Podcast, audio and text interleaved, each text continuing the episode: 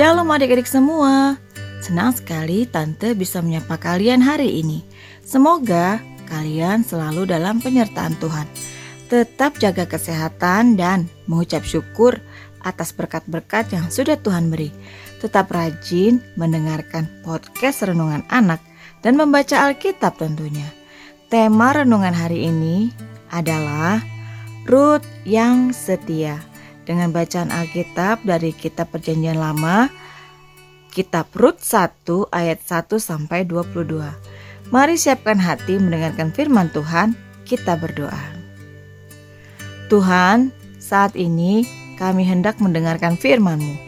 Berilah pengetahuan dan bimbinglah kami agar firman-Mu dapat kami mengerti dan pahami sesuai kehendak-Mu. Bukalah hati dan pikiran kami untuk mendengar dan menerima firman-Mu. Kiranya firman-Mu dapat menjadi berkat bagi kami. Dalam nama Tuhan Yesus, kami berdoa. Amin. Rut 1 ayat 1 sampai 22 dengan judul perikop Rut dan Naomi. Pada zaman para hakim memerintah ada kelaparan di tanah Israel. Lalu pergilah seorang dari Bethlehem, Yehuda beserta istrinya dan kedua anaknya laki-laki ke daerah Moab untuk menetap di sana sebagai orang asing. Nama orang itu ialah Elimelek, nama istrinya Naomi, dan nama kedua anaknya Mahlon dan Kilion. Semuanya orang-orang Efrata dari Bethlehem Yehuda. Dan setelah sampai ke daerah Moab, diamlah mereka di sana. Kemudian matilah Elimelek, suami Naomi, sehingga perempuan itu tertinggal dengan kedua anaknya. Keduanya mengambil perempuan Moab yang pertama bernama Orpa, yang kedua bernama Ruth, dan mereka diam di situ kira-kira 10 tahun lamanya.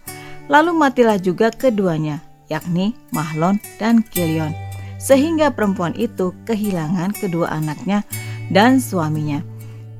Kemudian berkemaslah ia dengan kedua menantunya dan ia pulang dari daerah Moab sebab di daerah Moab ia mendengar bahwa Tuhan telah memperhatikan umatnya dan memberikan makanan kepada mereka.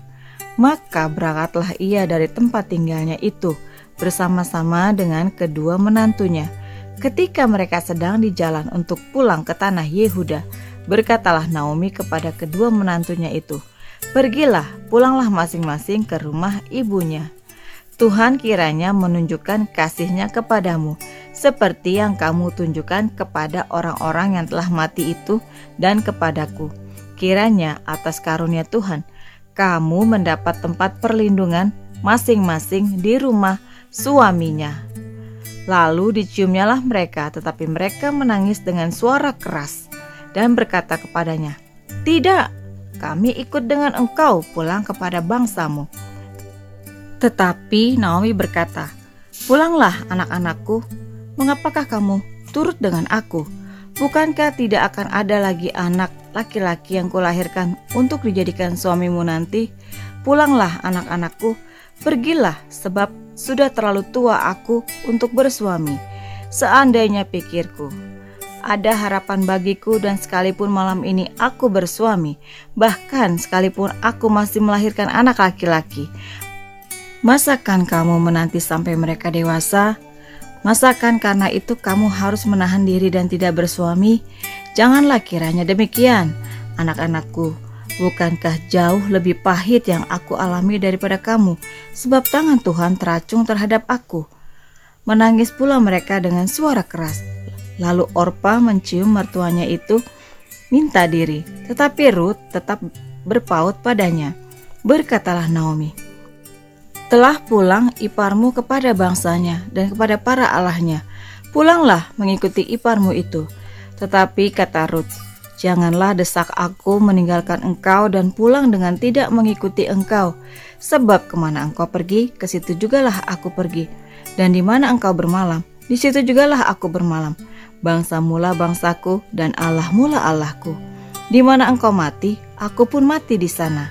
Dan di sanalah aku dikuburkan Beginilah kiranya Tuhan menghukum aku, bahkan lebih lagi daripada itu. Jikalau sesuatu apa pun memisahkan aku dari engkau, selain daripada maut. Ketika Naomi melihat bahwa Ruth berkeras untuk ikut bersama-sama dengan dia, Berhentilah ia berkata-kata kepadanya, dan berjalanlah keduanya sampai mereka tiba di Bethlehem. Ketika mereka masuk ke Bethlehem, gemparlah seluruh kota itu karena mereka. Dan perempuan-perempuan berkata, Naomi kah itu? Tetapi ia berkata kepada mereka, Janganlah sebutkan aku Naomi, sebutkanlah aku Mara, sebab yang Maha Kuasa telah melakukan banyak yang pahit kepadaku. Dengan tangan yang penuh aku pergi, tetapi dengan tangan yang kosong Tuhan memulangkan aku. Mengapakah kamu menyebutkan aku Naomi?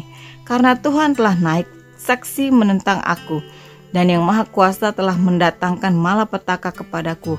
Demikianlah Naomi pulang bersama-sama dengan Ruth perempuan Moab itu, menantunya yang turut pulang dari daerah Moab, dan sampailah mereka ke Bethlehem pada permulaan musim menuai jelai. Demikian firman Tuhan hari ini.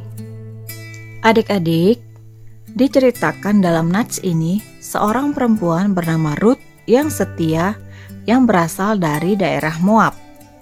Ruth setia menemani Naomi mertuanya, walaupun suaminya sudah meninggal.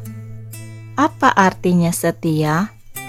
Setia memiliki arti berpegang teguh pada janji, pendirian, komitmen, dan lain sebagainya.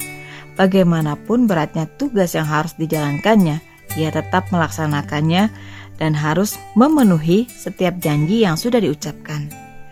Kesetiaan Ruth kepada Naomi sangat tulus. Ia rela tidak kembali kepada ibu kandungnya demi mertuanya. Ini adalah salah satu bentuk kesetiaan yang jarang kita temukan dalam kehidupan kita sehari-hari. Kesetiaan Ruth memperlihatkan kepada kita suatu teladan. Adik-adik bisa lihat di buku renungan ilustrasi gambar cerita tentang Ruth dan Naomi. Pada gambar yang pertama, Naomi kehilangan suami dan kedua anaknya di Moab. Tinggallah Naomi bersama kedua menantu perempuannya Orpa dan Ruth. Pada gambar yang kedua, ketika Naomi mendengar bahwa keadaan di Israel telah membaik, maka pulanglah ia bersama kedua menantunya. Pada gambar yang ketiga, di tengah perjalanan, Naomi membujuk kedua menantunya pulang karena rasa kasihan. Kata Naomi, "Pulanglah anak-anakku." Pada gambar yang keempat, akhirnya Orpa minta diri untuk pulang, sedangkan Ruth tetap ber taut kepada Naomi. Ruth bersikeras untuk mengikuti Naomi pergi. Ruth setia menyayangi Naomi. Nah, adik-adik, ada pertanyaan nih. Mengapa Naomi pulang kembali ke Israel? Jawabannya adalah karena kelaparan di Israel sudah berakhir dan keadaan di Israel sudah membaik. Pertanyaan yang kedua, Bagaimana cara adik-adik menyayangi keluarga dengan setia? Banyak cara untuk menunjukkan sikap setia, sayang kepada keluarga. Salah satu contohnya seperti hormat kepada mama dan papa, sayang kepada adik dan kakak, membantu mengerjakan pekerjaan rumah, dan lain-lain. Pasti adik-adik sayang dengan keluarga.